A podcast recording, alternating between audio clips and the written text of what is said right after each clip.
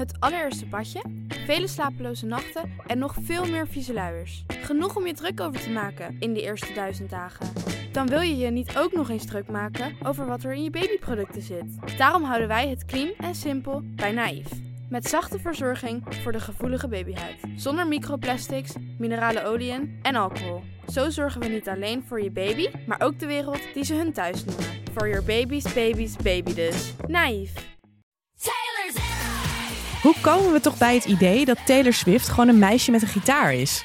Ja, dat klopt natuurlijk niet. Er zit een heel team achter, plus een familie die heel veel geld in haar carrière heeft geïnvesteerd. Maar wie zijn die mensen en waarom horen we zo weinig over ze? Heb jij ook altijd al willen weten wie Tree Payne is en waarom Jack Antonoff zo belangrijk is voor Taylor's carrière? In Taylor's era duiken we erin en leggen we het je uit. Wie zijn de mensen rondom Taylor Swift en hoe belangrijk zijn ze eigenlijk?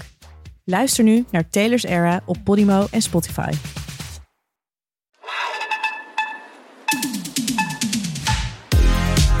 Welkom bij VSR, voorheen Schaamteloos Stedelijk. De podcast over alles dat je wel bent, maar niet wil zijn. Mijn naam is Dortje Smithuizen, tegenover mij zit Perre van der Brink. En zoals iedere week houden wij onze luisteraars een spiegel voor... en onderzoeken we de paradoxale relaties met de systemen om ons heen.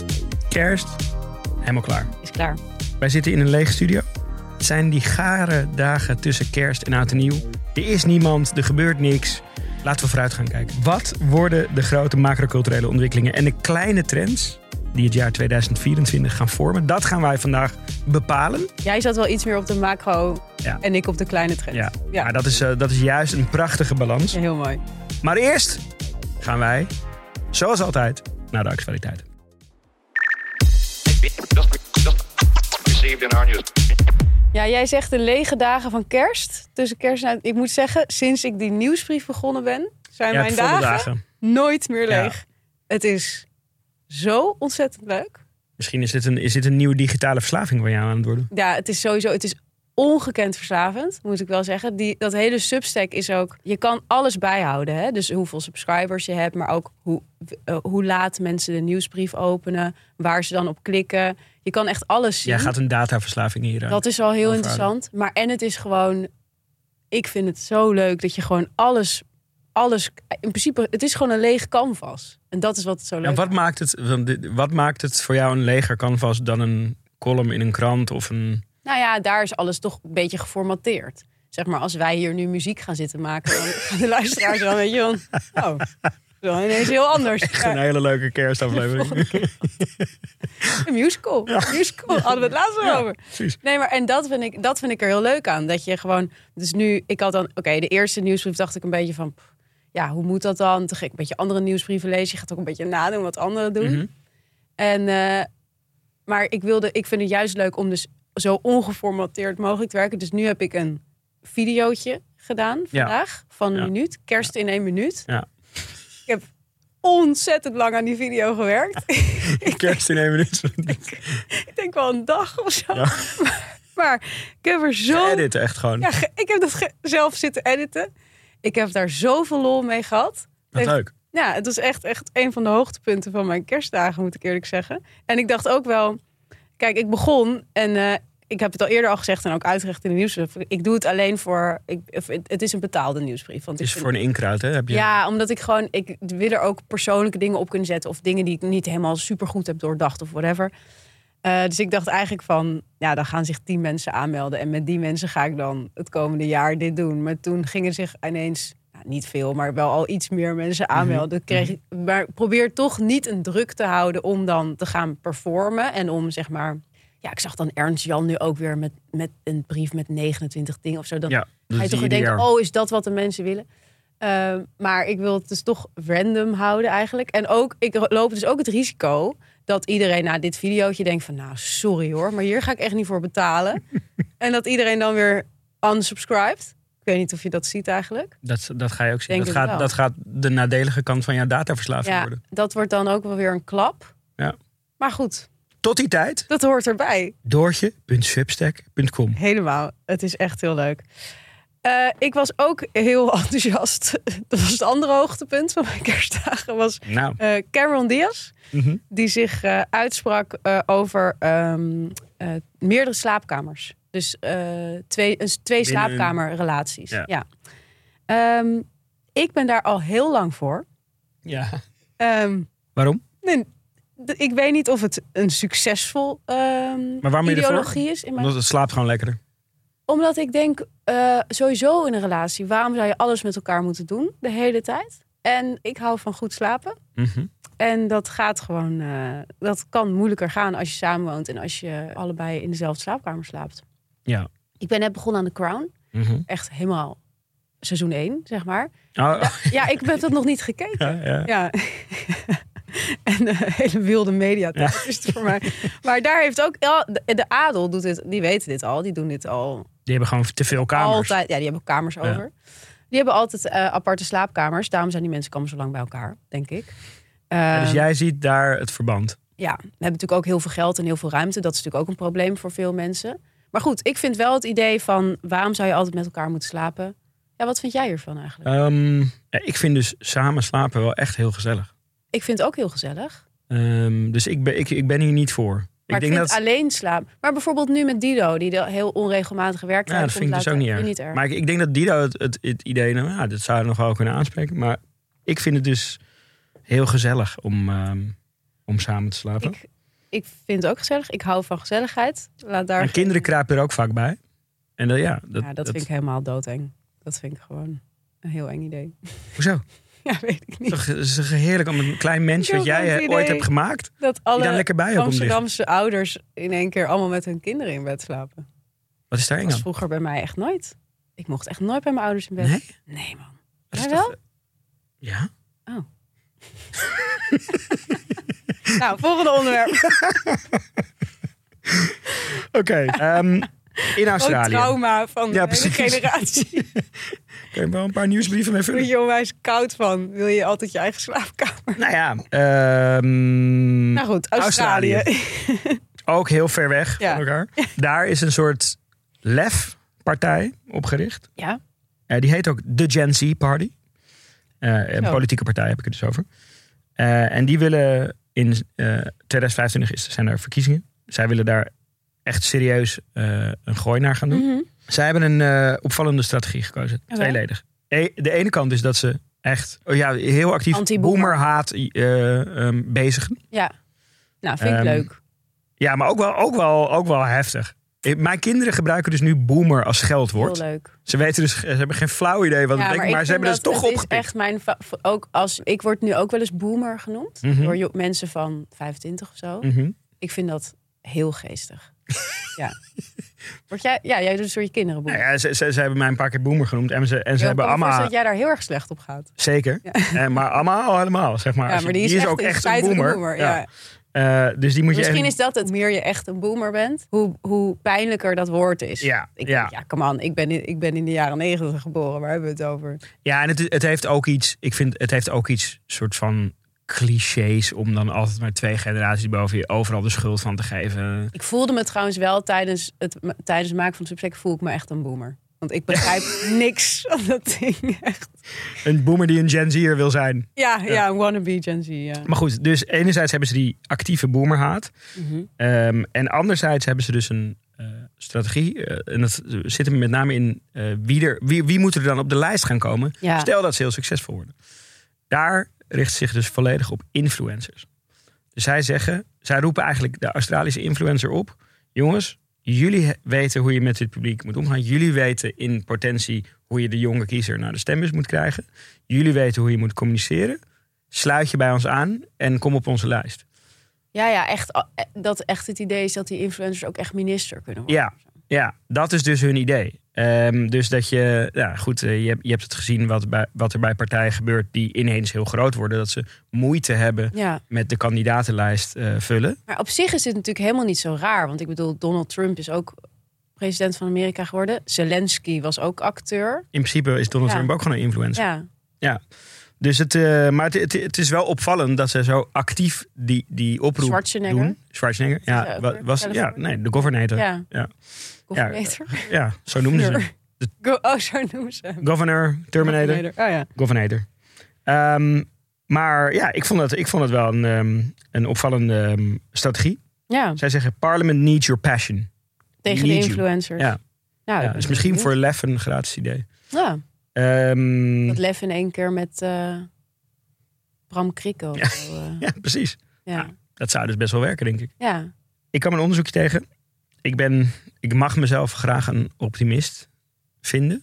Ja, En ik mag, mag gewoon. Waarom niet? Ja. Ja, ik bezig dat gewoon. ja doe gewoon. Ehm, en ik kwam een onderzoek tegen eh, van twee mensen van de UvA. Gepubliceerd in European Journal of Social Psychology. Zat je even te lezen? Precies. Ja. Ik had, ik had dat was kerst. Ja. Eh, ik was net boomer genoemd. Ja. Ik ben naar boven gelopen. Ik sla het de journal European erbij. Journal of Social Psychology open.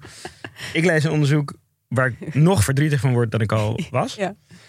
Namelijk, en het- is misschien, als, je het, als, je, als ik het nu vertel, is het wellicht een voorspelbare uitkomst. Maar wat blijkt, hoe meer nieuws over positieve ehm, ontwikkelingen eh, ten aanzien van bijvoorbeeld klimaatverandering we tot ons nemen, Mhm. hoe slechter we ons gaan gedragen ten aanzien van klimaatverandering. Dus hoe Dus meer hoe we gaan vliegen en je vlees eten. gestemd bent, hoe minder Ja. je je eigen gedrag Dus dit onderzoek maakt eigenlijk korte metten met, met soort tech, technofixes Ja. en, en tech-optimisme. Ehm, en ook het andersom, andersom toon, werd ook aangetoond. Dus Ja. hoe dystopischer de nieuwsgading is, hoe meer mensen geneigd zijn om wel iets te doen. Maar dit verbaasde dit jou? Nou ja, kijk, wat ik al zei, van als, je het, als je het zo zegt, dan denk je van ja, Ja. ja, Want dit is natuurlijk waar heel Extinction Rebellion, zeg maar, als je naar zo'n avond van Extinction Rebellion gaat, ja, dan denk je eigenlijk, ik, ik heb daarna echt gewoon gedacht van, nou, we hebben nog maanden. Ja, ja, ja, nee, precies. Dus dat is, dat is heel duidelijk dat zij dat heel erg Ja. gebruiken. Weet je, ook, dat zie je ook in de beeldtaal, de- het logo, alles Ja. ziet er een soort van Je gaat urgent dood uit. als je, ja, er, als je precies, daar wegloopt. precies. Maar ik, ik hoop wel altijd dat mensen dat niet per se nodig hebben om Ja. in actie te komen. Dus Ja, het, het, ja, het ja. verbaast me niet per se, maar ik vind het wel heel teleurstellend. Ja, en jij houdt van optimistische techbedrijven. Kijk, we hebben ooit we hebben het over mijn favoriete stijl films gehad. Doorzetfilms. De doorzetfilm, ja. Ik zat En in het, in het narratief van de doorzetfilms past toch iets meer die, ehm, ja, dat optimisme. Ja, de optimeter. Ja. Ja. Ga gewoon door per. Maakt niet uit. Optimeters moeten ook drinken. Ja, af en toe. Optimeters houden van ginger mules. We gaan naar Royal Club.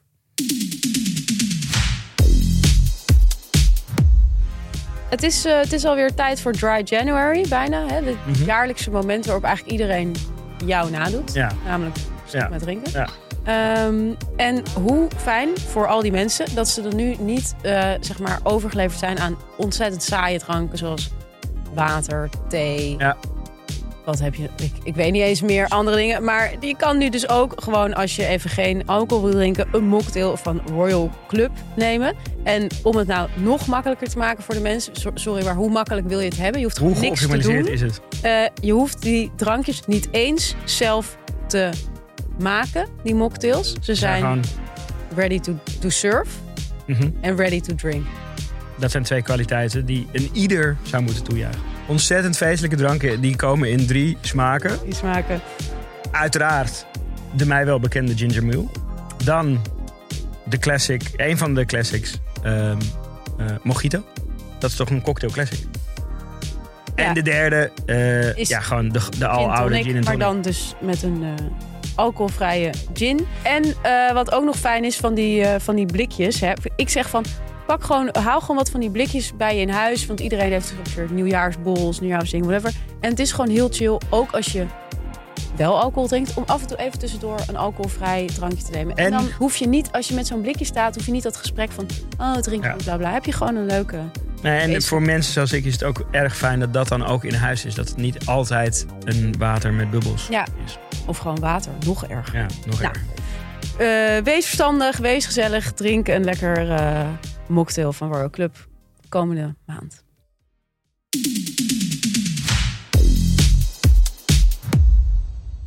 Oké. 2024. My god. Ja, Dat klinkt, dat klinkt futuristisch niet zo zo. oud als je dit ziet? Ja. Ja, gewoon vooral ik, ik, moet, ik moet heel veel... Maar dat heb ik eigenlijk... Een de afgelopen moment- tien jaar denk ik iedere keer aan die millenniumnacht. Ja, En toen was jij nog...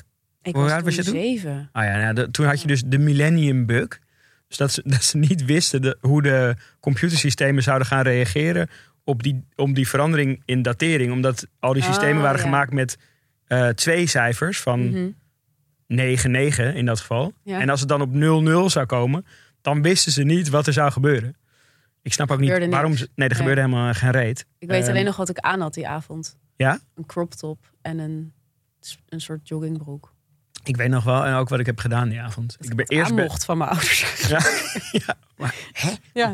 Je je zei net dat je acht was. Ja, ja zeven. Holy shit. Ja. Leuk. Ik werd eh, die avond geweigerd. Oh, bij, de, echt? bij de Matzo, de club Matzo. Jezus. Ja. Eh, dus- Zo ver lagen onze levens toen uit elkaar. ja. ja, Ongelooflijk. uiteindelijk wel op een goed feest. eh, waar een duizendklapper in een, woonkamer werd afgestoken van een vriend van mij. Heb jij veel meegemaakt die avond? Heftig avondje. Ja. Maar goed, daar gaan we het niet verder Nu over hebben. We we gaan het over 2024 hebben.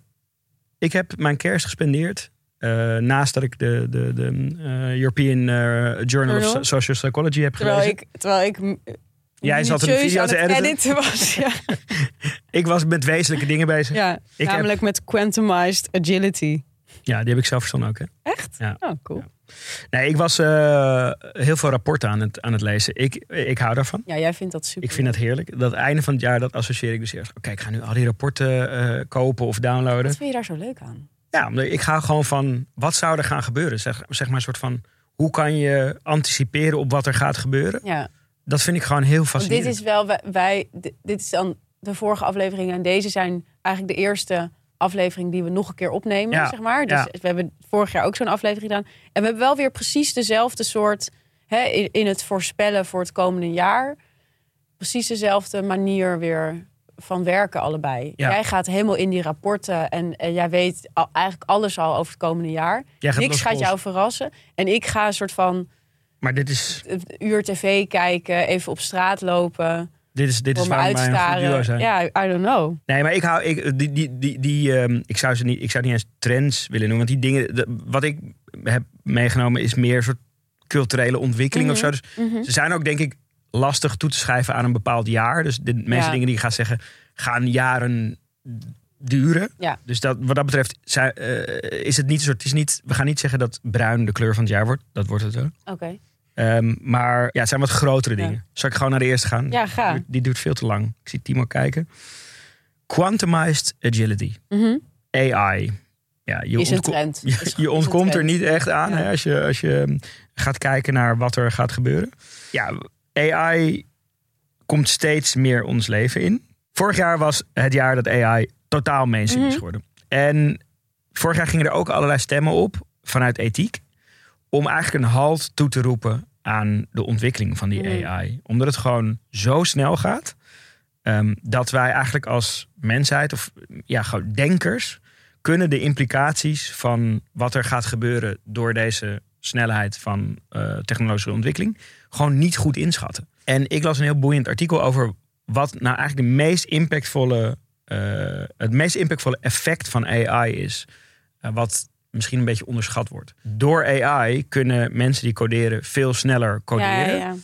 En daardoor gaat de innovatiesnelheid van alles vele malen omhoog. Mhm.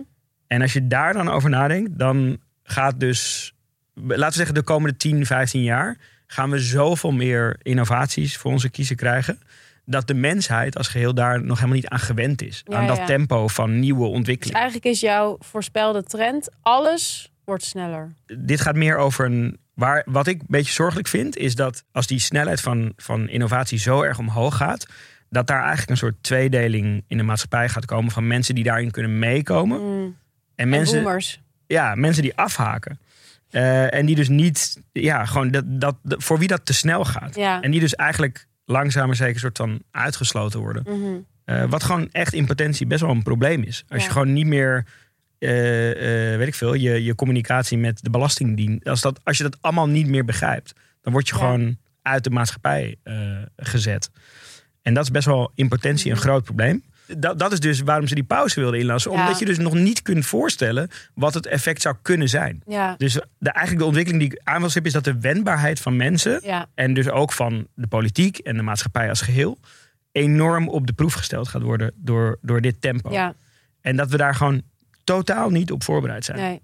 Ehm, en dat dat best wel een zorgelijke. Ik zit ook wel te denken hoe agile ik zelf ben. Helemaal niet, denk ik. Nee, nou ja, there you go. Ja. Jij bent nog een, jij bent een, een jong persoon. Ja, Nou, Dus laat staan als je, als, je, als je echt een boomer bent. ja, Dus, eind, Ehm. eind, eind van de con- conclusie, dat afkoeluurtje, dat zou jij toch wel willen. Ik pleit voor dat afkoeluurtje. Ja? Maar dat is denk ik onmogelijk om, eh, omdat het gewoon in het kapitalistische systeem, Nee. je gaat dat niet een halt kunnen toeroepen. En maar dit lijkt ook mij allemaal echt- ook veel te leuk, toch? Die, eh, Ja, maar ja, dat, dan, ja, als je inderdaad eh, eh, hele eh, kleine, evidente voordelen ervan geniet, Mm. dan is het leuk. Ja. Maar ja, het kan, kan echt best wel heftige gevolgen Nou, hebben. spannend wel. Ook voor mensen hun aura's. Mogelijk. Ja. Mijn, mijn eerste losse polsvoorspelling. Nou, het is niet helemaal losse pols. Het is ehm, komend jaar, Mhm. het jaar van de aura. Ik, eh, ik kijk niet naar eh, B&B of Winter voor Liefde of zo. Wat ik doe is, ik luister altijd naar Timo's podcast daarover. Reality Mhm. Check. Is echt heel erg leuk. En eh, dan kijk ik, dan luister ik gewoon. Wat, zij bespreken dan elke dag Winter voor Liefde nu. Ja. En dan, als ik, een, als ik iets interessant vind, dan ga ik het terugkijken. Mhm. Wat, waar zij het over hebben. Zij cureren eigenlijk. Ja, zij cureren het voor mij. En wat ik dus heel interessant vind, is dat je hebt dan een van de, een van de B&B-houders, heet Edith. En die heeft een zoon, Mats. Mhm. En zij hebben een ontzettend close relatie. Hij knipt ook haar haar en zo. Hij is al wat ouder, hij is 15 of zo. Ah, oké. Eh, ja, ja, Nee, het is niet een kind. Ja, Ja. maar, niet, ja. En, eh, maar goed, en Mats is ook nog hoogsensitief. En hij ziet aura's en hij ziet energieën. Mhm. En eh, hij gaat, ze gaan ze samen naar de videoboodschappen kijken van de mannen die zich aanmelden bij Edith. En dan zegt Mats meteen bij één, die heeft een goed aura. Ja, Ja. Hij is eigenlijk de AI Onduidelijk waarom, Edith. onduidelijk ook wat daar dan wat dat zegt over die man. Eh, en ik heb dus het idee dat dat B&B, dat is echt altijd een hele goede graadmeter voor wat Nederlanders accepteren eh, aan zeg maar spirituele dingen, psychologische termen, eh, Ja. hoe heet het, waar we het over gehad hebben, Ehm eh, therapietaal. Je wel, ja. Je hebt dat grenzen. Was al één seizoen was zo'n deelnemer die de hele tijd zei van. Nu ga je over Ja. mijn grens en Ja. dit is mijn grens. Nou, toen in één keer had heel Nederland grenzen, persoonlijke grenzen. Eh, en vorige seizoen heb je dan dat hele hè, het spiritualiteitsverhaal Mhm. gehad met die eh, tantra-hut van die Walter. Nou, en ik denk dus dat aura's, dat wordt de nieuwe, De nieuwe. stok om mee te slaan. Zeg maar. En heb je dus, er zijn ook allerlei onderzoeken. Forbes had laatst een onderzoek gepubliceerd en een ander onderzoek. Ik heb het daar trouwens ook over ge- gehad in mijn nieuwsbrief. eh, dat mensen gewoon steeds minder goed kunnen socializen. Mhm. En vooral ook omdat ze niet weten hoe het moet.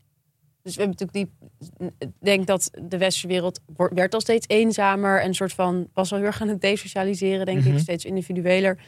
Toen is die pandemie daar overheen gegaan en nu zijn Mensen weten niet meer hoe ze van- talk moeten. eh, Je ziet toch ook overal van die artikelen van wat moet je doen op een kerstborrel of zo. Ja, vroeger wisten we dat toch gewoon of zo. Nou, anyway, ik denk dus dat dat aura, dat is een soort perfect woord voor deze tijd. Omdat mensen ook niet meer echt weten waarom ze andere mensen niet echt leuk vinden of waarom ze dat moeilijk vinden. En dan kan je gewoon zeggen, is gewoon ja, ik hou gewoon niet van dat, dat aura. Ja, je Ah, hebt ja. gewoon geen fijn aura. Of ik vind die aura's gewoon niet fijn. Het is gewoon een hele handige polarisatie. Gewoon, waarom hou je dan niet van de kerstboom? Ja, zoveel aura's. Weet je wel? En toen ehm, zag ik dus ook nog dat, ja, dat ehm, Kate Moss... Die, Mhm. die, heeft dit, die heeft ook B&B gekeken. Die, Ja, heeft ook, die heeft ook moeite met socializen. Die heeft daar een bedrijfje omheen gebouwd. Dat heet Cosmos. Mhm, mhm. Leuke Leuke wordplay. daar. Ja. En ehm, dat verkoopt dus allemaal producten. Dus bijvoorbeeld een affirmatieboekje en een kruidenthee. Ja. En dan heeft ze twee soorten. Morning en evening. Nou, dan kan je kiezen. Mhm, Ehm, en wat haar grote bestseller is, is de Sacred Mist. mhm. En dat is een potje, een spray. En wat je daar kan je mee doen, dan spray je zo om je hoofd. Mhm. En dan clear je De lucht.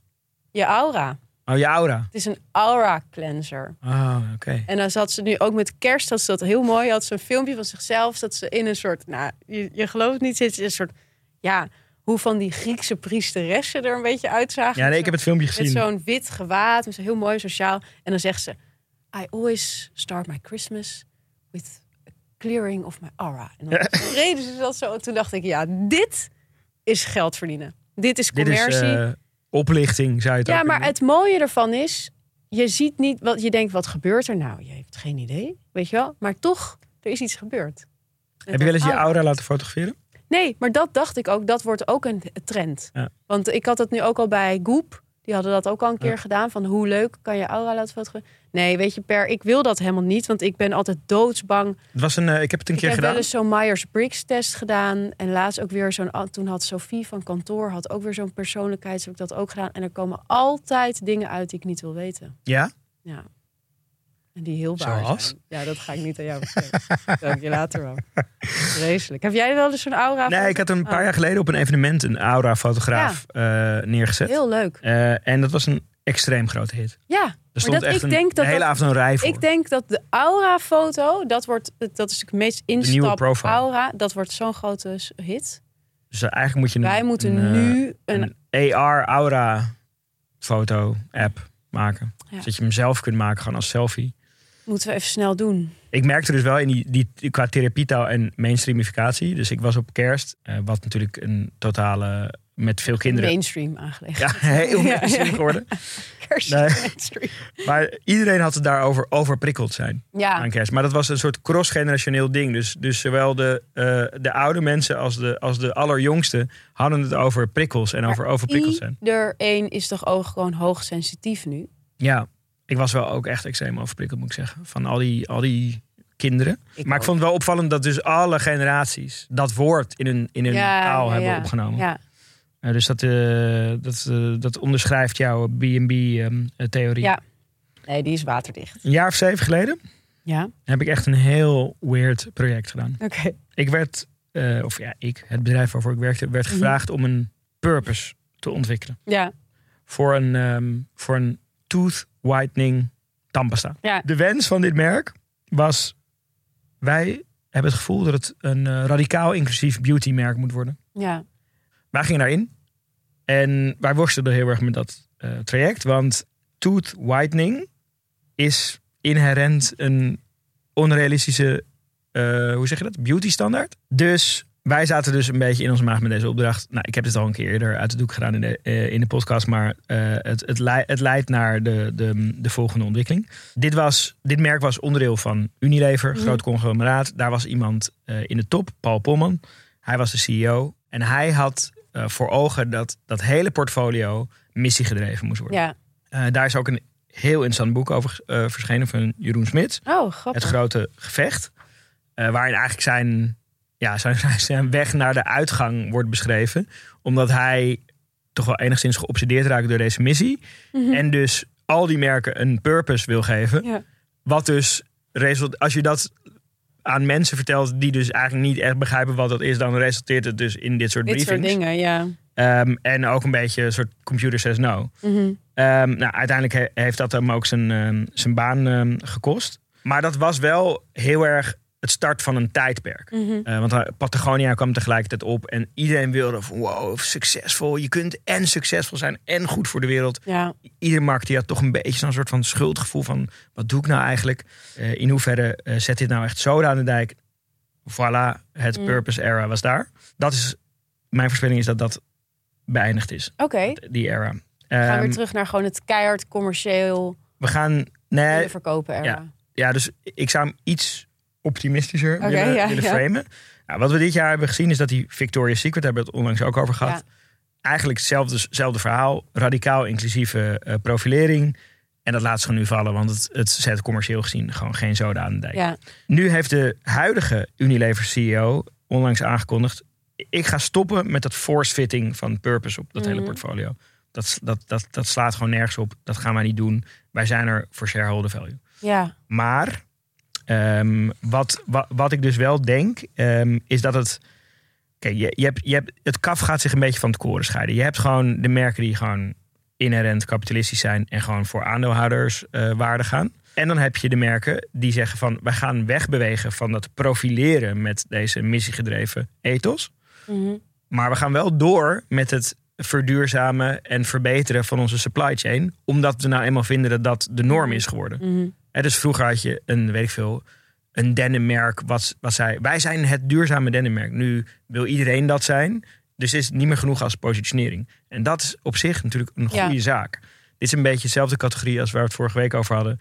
Dat hybride vlees, dat lijkt een stap terug. Maar het zou in potentie Mhm. dus mass adoption kunnen betekenen. En dat denk ik dus hier ook van. Dus dat eh, mits wij als consumenten wel ze streng eh, bij de les houden. Eh, als het Ja, ja, ja dus dat het aankomt. minder een, een, een verkooppraatje wordt en meer gewoon the way to go voor iedereen. Exact. Ja. Dus wel doorgaan met die supply chain verbeteren, maar minder profileren op dat onderwerp. Mhm.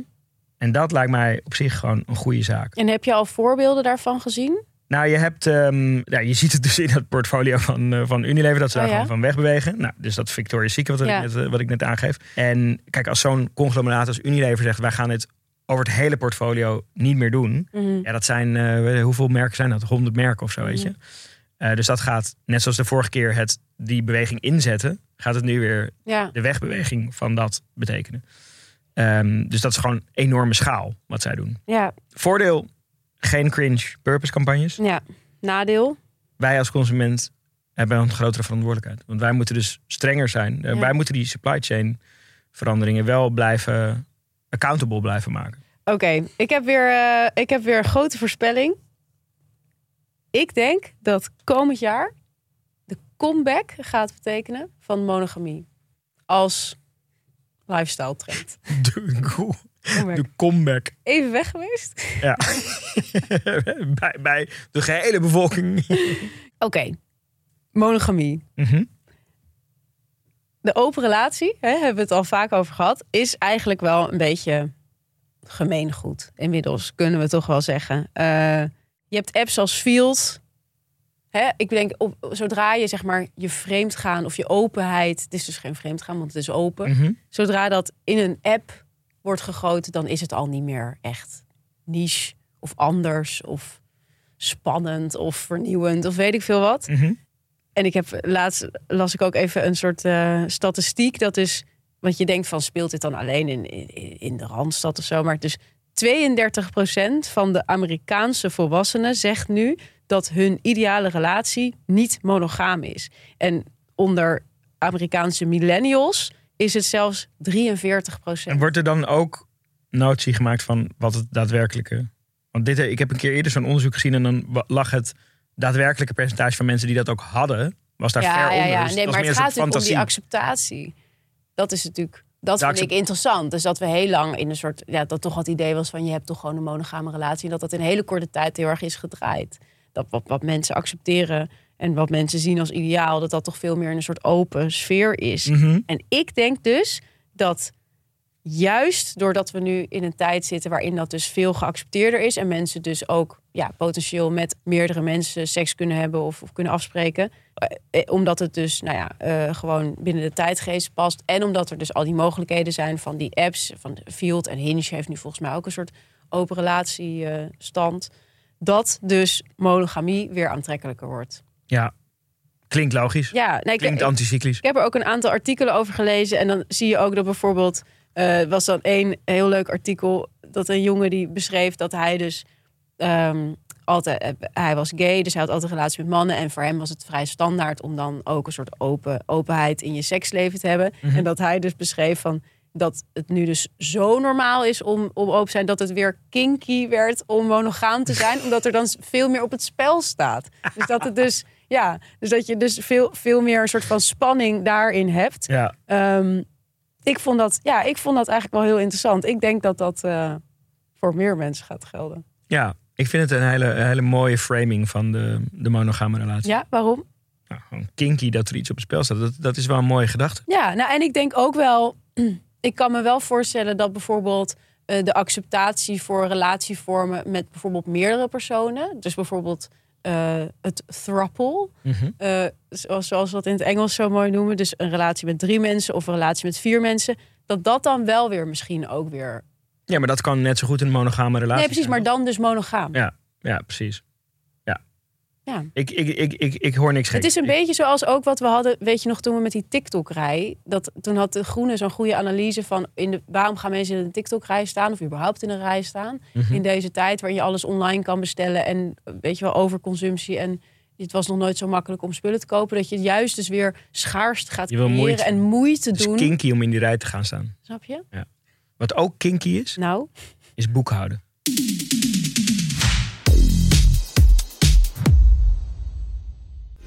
Want Kees, de boekhouder, is Mhm. de boekhouder voor alle ondernemers in Nederland. Het maakt niet uit of je tandarts, kapper, marketeer, creatief, creator, nieuwsbrief maken. Kan ook. Als zelfstandige ondernemer of freelancer kun je bij Kees de Boekhouder terecht voor je volledige boekhouding. Er zijn dat, de, die, die, die wereld van de online boekhouding tools, dat is echt een Mhm. cowboywereld, zou ik wel Mm. zeggen. Er zijn echt ongelooflijk veel aanbieders. Ehm, en heel veel ja, hebben gewoon niet de juiste features in die, eh, in die app staan. En dat heeft Kees de Boekhouder dus wel. Dus hij biedt een totaaloplossing. eh, door die tool te combineren met een beetje menselijkheid. Met een persoonlijke boekhouder. Eigenlijk perfect in deze tijdsgeest, toch? Ja, Eh, veel AI, veel eh, systemisch. soms wil je Maar gewoon met ook- een mens praten. Exact. Over je inkomsten, Eh, je belasting. Heb je, heb je niet wel dat je so- sommige vragen... Soms heb je een vraag over een administratief ding of zo. En dan weet je dat je hem online bij die aanbieder kunt vinden. Maar dan ga je toch bellen. Ja, Dat, heb ik de hele tijd. dat, dat. Ehm, die boekhouder kan dus al je vragen rondom administratie en belastingen beantwoorden. En dat doen ze voor een vast bedrag per boekjaar. Geen ge- gelul, geen nonsens. Hoe fijn dat je dat dan al weet. En wat heel leuk is, kijk, normaal hebben wij codes. Die moet je dan digitaal Ja, invullen. dit is echt... Maar goed, Ja. wat je hier dus krijgt, eh, bij Kees de Boekhouder doe je een onboarding call. Dus dan ga je met een boekhouder in gesprek. Zij vinden dat belangrijk, dat je echt even Exact. die aan de lijn hebt. En tegen die persoon Ja. mag jij dus zeggen, VSR Kees. Ja. Ik vraag me wel af of je dan die- de, eh, moet je dan de die- caps erbij zeggen. Ik denk dat je gewoon zegt, VSRK, je zegt gewoon, hé, hey, met Doortje, ja, ik eh, bel voor die... en, eh, even voordat we beginnen, VSRK's. En dan weet die persoon, wow... eh, Doortje krijgt één kosteloze wat, maand. Wat voor persoon die aan de lijn heeft, wat voor podcast hij Ja. luistert, kunnen ze ook meteen van alles mee bij Kees. Ja. En hij weet, jij krijgt een maand gratis. Precies. En die promotiecode, VSR Kees, die je dus Ja. Is echt op de man af gaat, gaat, gaat onthouden. Die kan gebruikt worden tot en met 31 januari 2024. En dat lijkt me sowieso een goede deadline. Want Ja. je moet je shit gewoon inleveren voor april. Voor 31 januari kreeg Ja. weer de, de mail voor de BTW-aangifte. BTW inderdaad 31 Kunnen ze januari. dan nog voor je meenemen? jaar voor april. Ja. Ik zeg, plan dat kennismakingsgesprek in. Eh, in de show notes staat een URL. Maar dat is keesdeboekhouder.nl slash nl slash plan streepje gesprek. En het enige wat je dan nog hoeft te onthouden is... VSR Kees. BSR Kees.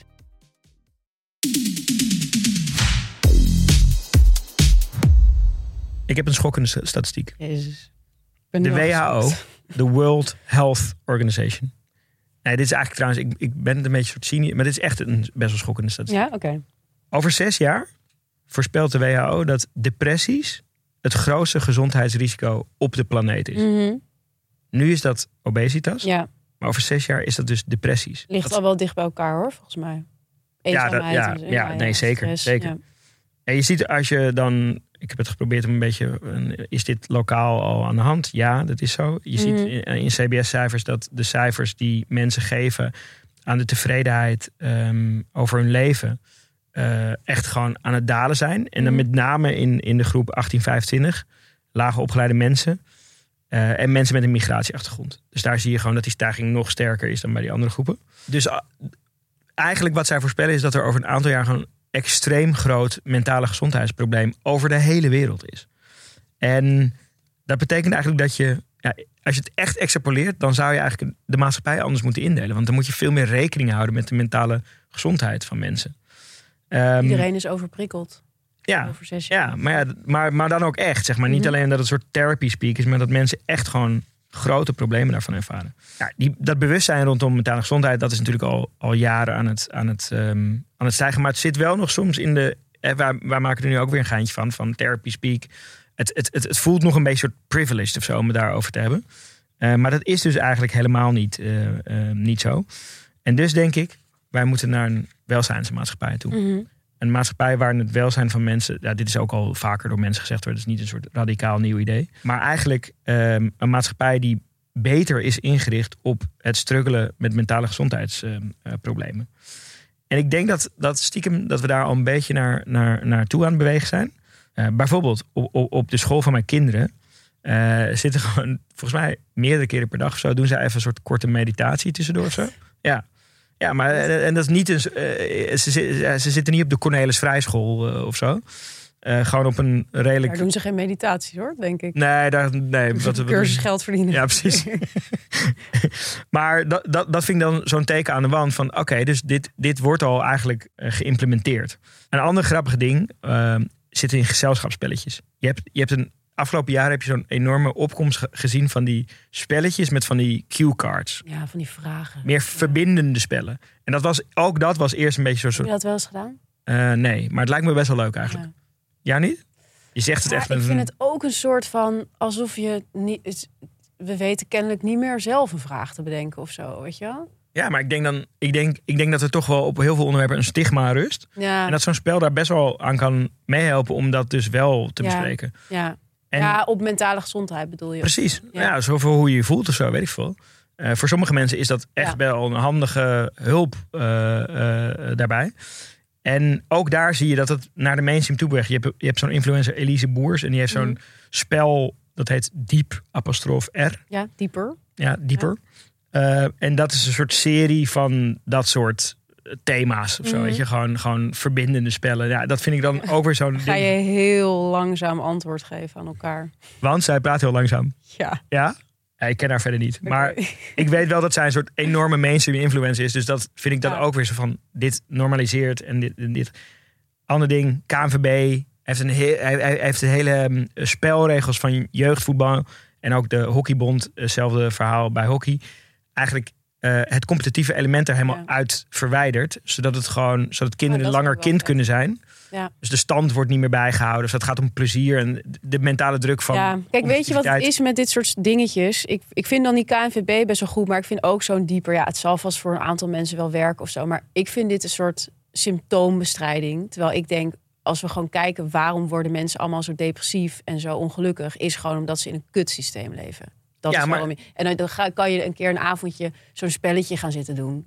Maar goed, dat gaat natuurlijk het niet oplossen. Maar dit is precies wat ik aan het begin van de, van de ontwikkeling zei. Van je moet toebewegen naar dat je dat op maatschappelijk niveau ja, gaat nee, dat, veranderen. dat, ja, en dat vind, dan vind ik zo'n KNVB waar dan Dat is bijvoorbeeld een mooi scores, voorbeeld. Dat vind ik wel een goed voorbeeld, want je ziet ook dat ontzettend veel kinderen last hebben van prestatiedruk. Ja. Denk ik, als je dat al hebt als je zes bent, Precies, ja, precies. waar gaat het dan heen? Nee, en die, die meditatie in de klas is dat natuurlijk eigenlijk ook. Eh, en je hebt bijvoorbeeld ook, eh, ja, dat is wel een beetje een beginnend eh, bewustzijn, maar menstruatieverlof. Mhm. In Spanje hebben ze dat nu ingevoerd. Ja, daar is ook een langzaamaan een soort ver, verlof, wou ik zeggen, een beginnend bewustzijn in Nederland om dat soort dingen ook te gaan, te gaan invoeren. Dus langzaamaan moet je steeds meer van dat soort dingetjes invoeren die mensen Ja. eigenlijk, die, die eigenlijk de maatschappij inrichten op dat mensen gewoon fluctueren in hoe ze zich voelen. In plaats van dat er, ja, dat je gewoon eigenlijk je bek moet houden en gewoon productief moet zijn. En dat lijkt mij een goede ontwikkeling. Mooi. Jij bent, jij kijkt echt enorm, jij, jij, jij Nee, verwacht hier niks dit- van. Nee, eigenlijk niet. Nee, Nee? omdat ik het echt eh, symptoombestrijding vind. En ik denk, als we echt iets willen doen aan die mentale gezondheid. Maar wat moet je dan doen? Ja, dan, dan moeten we het hele kapitalisme omverwerpen. Ja, oké, maar iets realistisch. Ja, ja toch zo'n spelletje, denk ik dan. ik, ik heb dan weer een wat pessimistischer trend, laten we het zo zeggen. Hè? Of realistisch, dat zeggen pessimistische Ja, ja, mensen precies, altijd van, ik ben niet pessimistisch, Ja. ik ben realistisch. Ehm, kijk, steeds meer jonge mensen, millennials en Gen Z'ers... hebben gewoon geen uitzicht meer op een, vorm van financiële zekerheid. Mhm. Dus of het nou een huis kopen is, je studieschuld ooit afbetalen, hè, die pechgeneratie die gewoon keihard moet terugbetalen nu, eh, een pensioen opbouwen. Nou, en wat ga je dan doen? Dan ga je Penden. Fuck it spenden. Mhm. Dat is eh, een trend die, ze op, eh, die, op, eh, ja, die ik ook om me heen zie en waar ook steeds meer over wordt geschreven. Ik las een artikel over op de Face, ehm, waarin ze ook zeiden van ja, eigenlijk voor de pandemie waren de vooruitzichten voor jonge mensen qua financiën al best wel slecht. En na de pandemie is het helemaal, weet je, ook veel mensen die ik ken, die konden dan voor de pandemie nog wel, die bijvoorbeeld ZZP'er zijn, konden voor de pandemie dan nog wel enigszins oké een hypotheek krijgen. En daarna is het natuurlijk zo gekelderd Mhm. ook voor ZZP'ers. Het i- Er is gewoon eigenlijk niet meer echt iets om voor te werken, zeg maar, qua geld. Want de vooruitzichten zijn zo slecht dat eh, veel jonge mensen dan maar gewoon lekker met een vliegtuig op vakantie gaan. lekker die Balenciaga outfit gaan kopen. Eh, of andere dure dingen. En zoiets hebben van whatever. En er was dan een, een, een onderzoek wat de VS aanhaalde... dat ze onder 2000 eh, mensen die graag eh, een eerste huis wilden kopen... Mhm. En dan vroegen ze van, wat vind je dan meer belangrijker de komende vijf jaar? Een, dat, dat huis kopen of op vakantie gaan? Lekker vaak op vakantie gaan. En dan zei bijna de helft daarvan, zei dus dat ze lekkere vakantie vonden ze even belangrijk als het huis.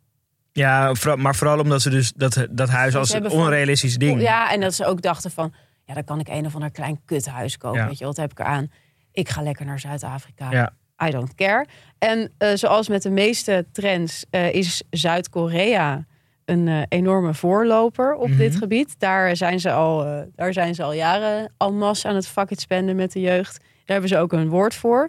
Shibalbiong heet het namelijk. Oké. En ehm, ik, ik las dan een, eh, een, een artikel in de Korean Times, geloof ik. Of zo. Ja. Dat is dan wel Terwijl ik de European Ja, ja. Social... Zat ik in de Korean Times, is wel in het Engels allemaal, zeg ik erbij. Maar daar zeiden ze het ook van, ja, het draait ook heel erg om sociale media. Eh, Zuid-Korea heeft dus de hoogste percentage van smartphone Mhm. eh, ownership. En daar zijn ook allemaal influencers die dus eh, die hashtag Shibalbiong gebruiken om dus alle aankopen die ze doen en alle producten die ze aanprijzen te laten zien. Dus het wordt daar Maar wat betekent heel- dat? nou, dat Shibalbiong betekent dus, is dus het Koreaanse woord voor fuck it uitgaven. Fuck it Ah, expense. Oké. Dus het wordt daar al heel erg genormaliseerd om zeg maar in plaats van ja, wat wij dan verstandig met je geld omgaan, eh, om gewoon het lekker uit te geven Live little. dure dingen. Ja. Ja. En ik dacht ook van ja, eh, er wordt dan nu ook vaak over TikTok gezegd van oh, dat draait zo om consumeren en om geld uitgeven en zo. En ik dacht eigenlijk is het ook niet zo raar dat zeg maar de generatie die het minst uitzicht heeft op ja, een vorm van financiële zekerheid, dat daar zo'n TikTok wat helemaal om, om consumeren draait zo aanslaat. Omdat dat gewoon het enige is wat ze eigenlijk ook gevoelsmatig met hun geld kunnen. ja, het is wel heel nihilistisch dat Ja, het is heel die generatie die dan slachtoffer van het systeem is, dat dan gaat oplossen met Spullen kopen. consumeren. Ja, snap je per? Het is heel moeilijk om uit het kapitalisme Ja, maar het is ook een beetje van, van kan je niks beters Ja, bedenken. precies. Ja, nee, ja, Toch? dat Van- is ja.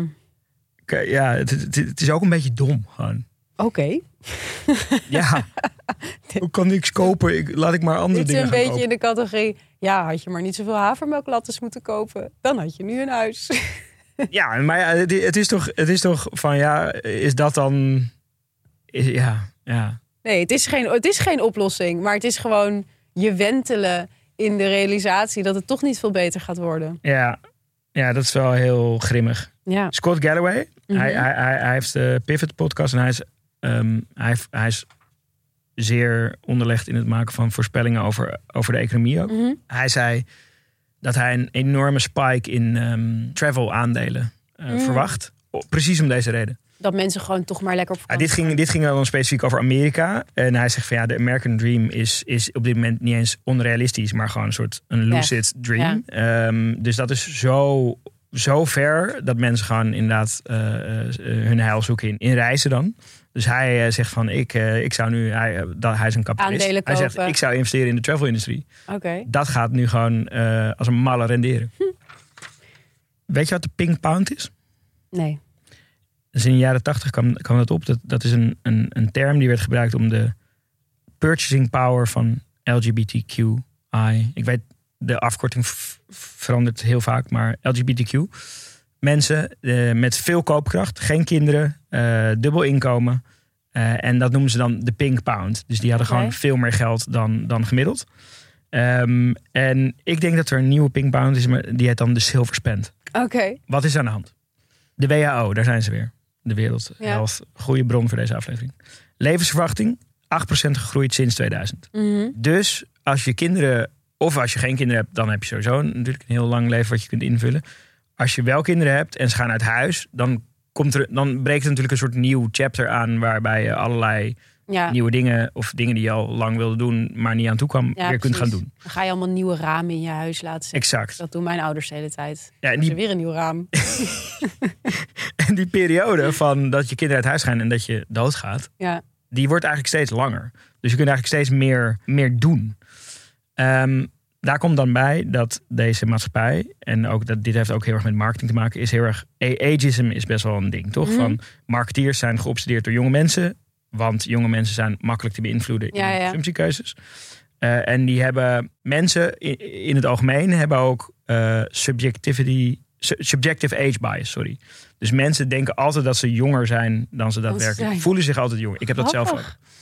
Als ik de kinderen van een crash ophaal, denk ik ook altijd: ik ben by far de jongste vader hier. Ik Maar- had mijn rijbewijs aangevraagd en op de een, je kan toch soms op de foto hebben dat je in één keer denkt, nou, ik lijk echt twintig. ja, Dat had ik met die Ja. foto, was ik zo blij. Want tien Komt- jaar lang is dat mijn foto nou. ja, nee, precies, Ja, precies. helemaal En dan heb je ook zo'n ding als een rijbewijs, wat je in feite, je voelt je sowieso jong als je dat op latere leeftijd had. Had ik ook toen ik dat deed. Ehm, maar goed, die ehm, eh, subjective age bias die neemt ook toe, wijst een onderzoek van de Universiteit van Ber- Berlijn uit. Dus mensen voelen zich jonger dan ooit. Oh, Dus ze hebben een langer leven voor zich. Ze zijn meer dan ooit ook bezig met zelfontplooiing. Dat is een algemene trend natuurlijk. Ehm, ze zijn even de eh, eh, huidige soort van inflatie slash recessie daar gelaten welvarender dan ooit. En ze voelen zich dus beetje gediscrimineerd door dat ageism. mhm. Omdat ze altijd eigenlijk niet in de campagne centraal staan. ja. En op jonge mensen wordt gericht. Ik denk dus dat een enorme business opportunity is de silver spend. Dus merken lanceren die zich eigenlijk op een soort 50-plus doelgroep richten.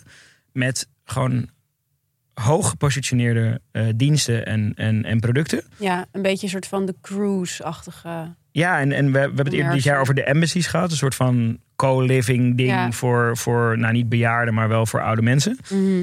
Eh, ik denk dat dit een enorme business opportunity is waar, waar mensen ehm, eh, komend jaar op gaan springen. Ja, ja. Dus even samenvattend, eigenlijk, als we dan een soort business pitch toch weer van moeten maken van Mhm. deze podcast, Mhm. gaat het dus het komende jaar om reizen Mhm. voor oudere mensen. Ja.